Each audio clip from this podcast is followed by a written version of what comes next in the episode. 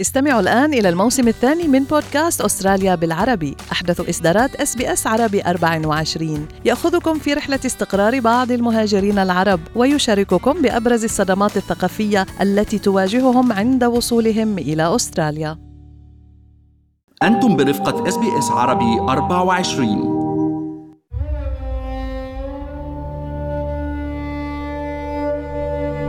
يعني يتم دائما ربط الثمار أو السواد بالقبح، لماذا يجب أن ابيض نفسي حتى أكون جميله؟ لماذا؟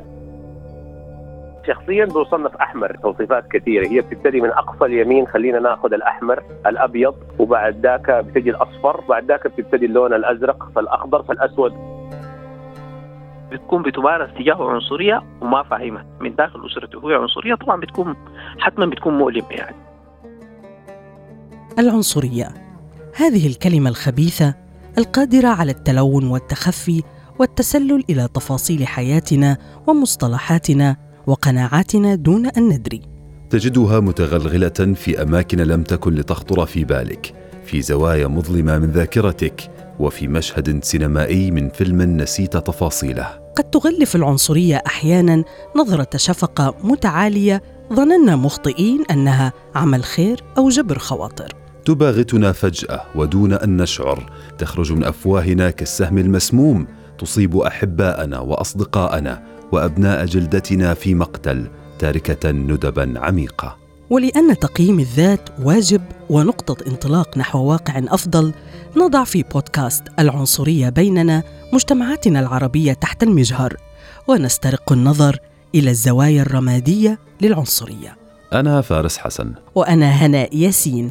وفي الحلقة الأولى من بودكاست العنصرية بيننا نستمع إلى ضيوف أستراليين قدموا من مجتمعات تقف على نقاط تماس هويات مختلفة. ضيوفنا يمثلوننا في تجاربهم الثرية بالتنوع والحافلة بالتناقضات. ونسأل وجدان عثمان ذات الأصل الإريتري أمين الجمل وياسين جودة وموطنهما الأصلي السودان ما إذا كان يمكن لمجتمعاتنا أن تكون ضحية للعنصرية ومرتكبة لها في نفس الوقت.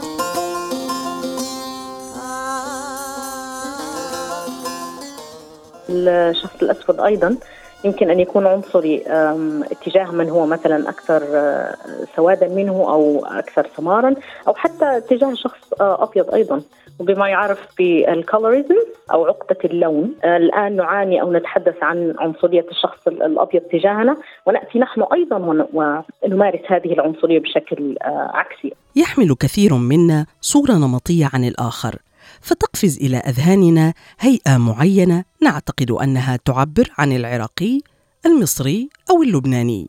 لكن الحقيقة أن لكل مجتمع تنوع يفاجئك بثرائه. هو طبعا التوصيفات السودانية اللون عندها أعداد يعني توصيفات كثيرة. هي بتبتدي من أقصى اليمين خلينا نأخذ الأحمر الأبيض وبعد ذاك بتجي الأصفر اللي هو تقريبا بيكون يعني اللون الحنطي عند عند غالبية الشعب العربي وبعد ذاك بتبتدي اللون الأزرق فالأخضر فالأسود 100% أو الاسود أخضر أزرق. أنا شخصيا بصنف أحمر يعني أقصى اليمين من ناحية اللون الأبيض. لم أفهم بعد ما المشكلة هناء. لو كنت أنا سودانيا لوصفت على الأغلب بأصفر وفق مسطرة الألوان السودانية أنا سعيد بهذا اللون. وأنا أحب لوني الأخضر لكن المشكلة فارس أكبر من ذلك وتكمن في استخدام البعض هذه التوصيفات لممارسة التمييز ضد أصحابها. في بعض الناس يفتكروا إنه الإنسان اللون فاتح ده هو عنده أفضلية على اللون غامق وعكس تماما في بعض الناس بيشوفوا إنه الزول الأخضر ده هو أفضل. يعني هي العنصرية هي بتتحول لعنصرية عنصرية مضادة في في في نفس الوقت. الاتجاهين هم بيلاقوا نفس نفس الإشكال. قد يبدو ذلك صادما ولكن إذا تتبعنا أصل عقدة اللون أو الكولوريزم لوجدناها مرتبطة بشكل وثيق بالنظام القبلي.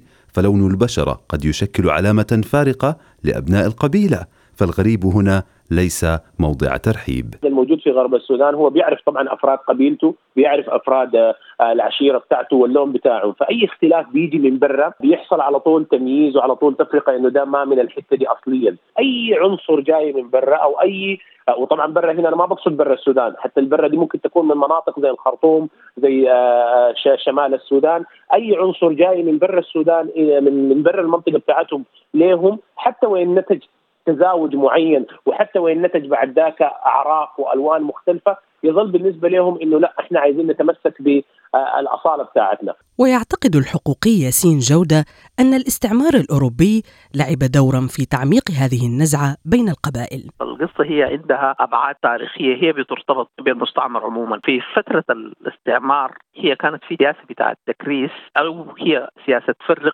تسد اللي هي مارس الاستعمار كثير من السياسات قرب بعض القبائل وأبعد بعض القبائل دي خلقت غب تاريخي القبائل المغربة بدأت تحس إنها هي بتمتلك نوع من النغاء العرقي. الحاجة دي بشكل أو بآخر تحولت إلى سلوك مجتمعي بيمارس في داخل الأسرة. يعني مثلا لو لقينا لو في طفل لونه فاتح شوية أو في طفل لونه آه غامق بتمارس عليهم عنصرية هم الاثنين وبتمارس بشكل من أشكال حسن النية. يعني مثلا الطفل اللون بيكون ده آه بيسموه بيقول لك يا أخي زروق اللي هو أزرق. واللون هو بيكون فاتح بيقول لك يا أخي ده حلبي. اذا الموضوع ليس بجديد وله جذور ضاربة في مجتمعاتنا العربية. وإلى اليوم لا تزال آثاره باقية فالكثير منا مر في مواقف قيست فيها وطنيته بناء على لون بشرته. الإعلامي أمين الجمل يسرد تاليا تفاصيل تجربته.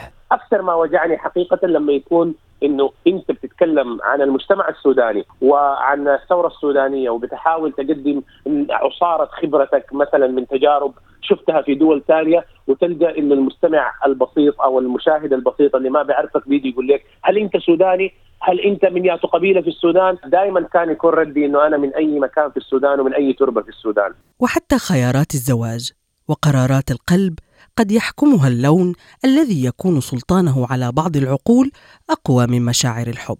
كثير من العلاقات الحميمة جدا جدا بتكون في شخصين يعني جمعوا جمعتهم علاقه بتاعت حب وبتنتهي نتيجة للاستعلاء العرقي تجاه الشخص الآخر يعني. وعموما يعني في نظرة دونية لإنسان غرب السودان يعني من من المناطق النيلية عموما يفتكروا إنهم هم أفضل. إذا كنت تعتقد أن بشرتك الفاتحة ستحصنك من العنصرية فأنت مخطئ أيضا. للأسف الشديد عندنا في السودان إنه هي موجودة بالطريقة دي لو كنت صريح زيادة عن اللزوم فليسامحني الجميع لكن أنا أتكلم عن واقع موجود. يعني لما تكون مثلا من ناحية بوزيتيف ما بقول حلبي. فبقول بيقول لك لونه فاتح أو لونه يعني أبيضاني. بيحبوا المترادفات الحلوة. دائما مقولة حلبي هي فيها نوع من الإهانة على فكرة يعني في السودان. يعني الواحد دائما زي تقول لو انت حلبي فيها نوع برضو من من التحقير أو من الإهانة للأسف الشديد. دعونا الآن نتحدث عما يقال في منازلنا خلف الأبواب المغلقة. أغمضوا أعينكم واسترجعوا شريط ذكريات طفولتكم وشبابكم. ستتذكرون حتما أنكم وضعتوا في خانة ما، أنت أبيض أو أسمر أو أسود، الأبيض جميل والأسود أقل جمالا، ولعل أكثر التعليقات إيلاما تلك الصادرة عن أقرب الناس إليك. استمعت وجدان إلى قصص كثيرة بحكم عملها في مجال حماية الطفل في أستراليا. تحدث مع كثير من الأطفال الآن في مجال عملي أيضا، يعني البنات المراهقات والصغار، لماذا؟ دائما يتم مقارنتها حتى إذا كانت أخت فاتحة وأخت أخرى أغمق شوية، سمعت من أخت لونها مختلف قليلا عن أختها فقالت لي إن أمها دائما تقول لها أختك جميلة، أختك جميلة، أختك أجمل، ليش؟ وحتى عندما ينظر البعض إلى أنفسهم في المرآة تتسلل العنصرية بمعايير جمال متحيزة لا تتسع لأي اختلاف أو تنوع. أنا أسميه صراحة يعني عائق وعقم يعني قيد فكري. فكري لهذه المرأة. ليش؟ انظري فتحي عينك. يعني يحتاج إنه الإنسان يشغل مخه شوية. شغلي مخك فتحي عقلك شوفي جمال.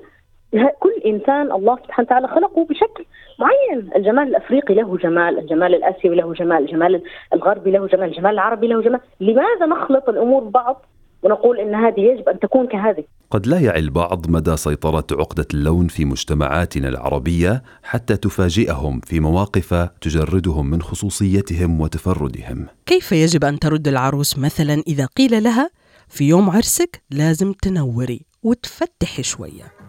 وجدان كانت في زيارة للسودان وأحبت أن تشارك أقربائها بفيديو لعرسها هنا في أستراليا. صدموا تماما بما شاهدوه.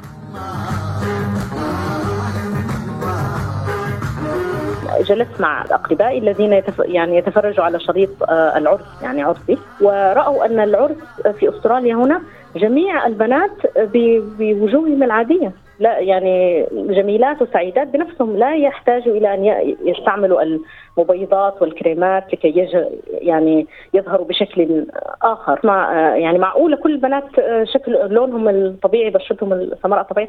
أنا قلت لهم يعني أن هذا أن كلهن لديهن ثقة في نفسهن وجميلات. قد تقول لنفسك أنا لم أعش يوما أي من هذه التجارب التي تتحدثون عنها. ولك نقول أنت محظوظ للغاية ولكن لماذا لا نحرص على أن يعيش الجميع دون استثناء حياة خالية من قبح العنصرية؟ قد يكون الحل خطوات بسيطة نبدأها بأنفسنا عندما نؤمن بذواتنا. أنا بحتس بإنه أنا بشرتي سوداء وأحتس بإني سوداني وكل الناس يعني سواسية يعني سواء كان في لونه أو كذا أنا ما شايف إنها هي بالنسبة لي دي آه، فوارق. لكن بحس آه، بالرأفة تجاه الشخص اللي هو بيفكر بالطريقة دي يعني. وربما يجب أن نتوقف قليلا لنسأل أنفسنا. ما الذي أدى إلى تعمق العنصرية وتغلغلها كالسرطان في مجتمعاتنا؟ إحنا نلوم أنفسنا في الأول وبعد ذلك نلوم آه، الأنظمة السياسية اللي أصلت لفكرة أصلا كانت موجودة واصلا كانت موجودة إنه فلان لا يتزوج منها من القبيلة الأخرى وقد تقوم حروب في السودان وحروب قبلية فقط لأن فلان أحب فلانة من من قبيلة مختلفة. أنت معني وأنت معنية وكلنا معنيون بالأمر فهل سندفن رؤوسنا في التراب ونتظاهر بأن لا وجود للعنصرية بيننا؟ لماذا نترك نفسنا للجهل وللاعلام التافه وللأفكار البائدة؟ لماذا؟ لماذا لا نكلف أنفسنا ان ان نتعلم قليلا ونعرف عن هذا الشخص الآخر؟ ليش؟ العنصرية مرض مرض وقيد فكري وعائق يعني يقيد حرية وفكر الإنسان ويجعله أعمى اعمى لا يرى الجمال والإبداع أينما كان ولا يستفيد حتى منه يرى فقط في الشخص لونه. كان معكم فارس حسن. وهناء ياسين ترقبوا الحلقة الثانية من بودكاست العنصرية بيننا الأسبوع المقبل. اضغطوا على ال like أو على ال share أو اكتبوا تعليقاً. تابعوا SBS عربي 24 على الفيسبوك.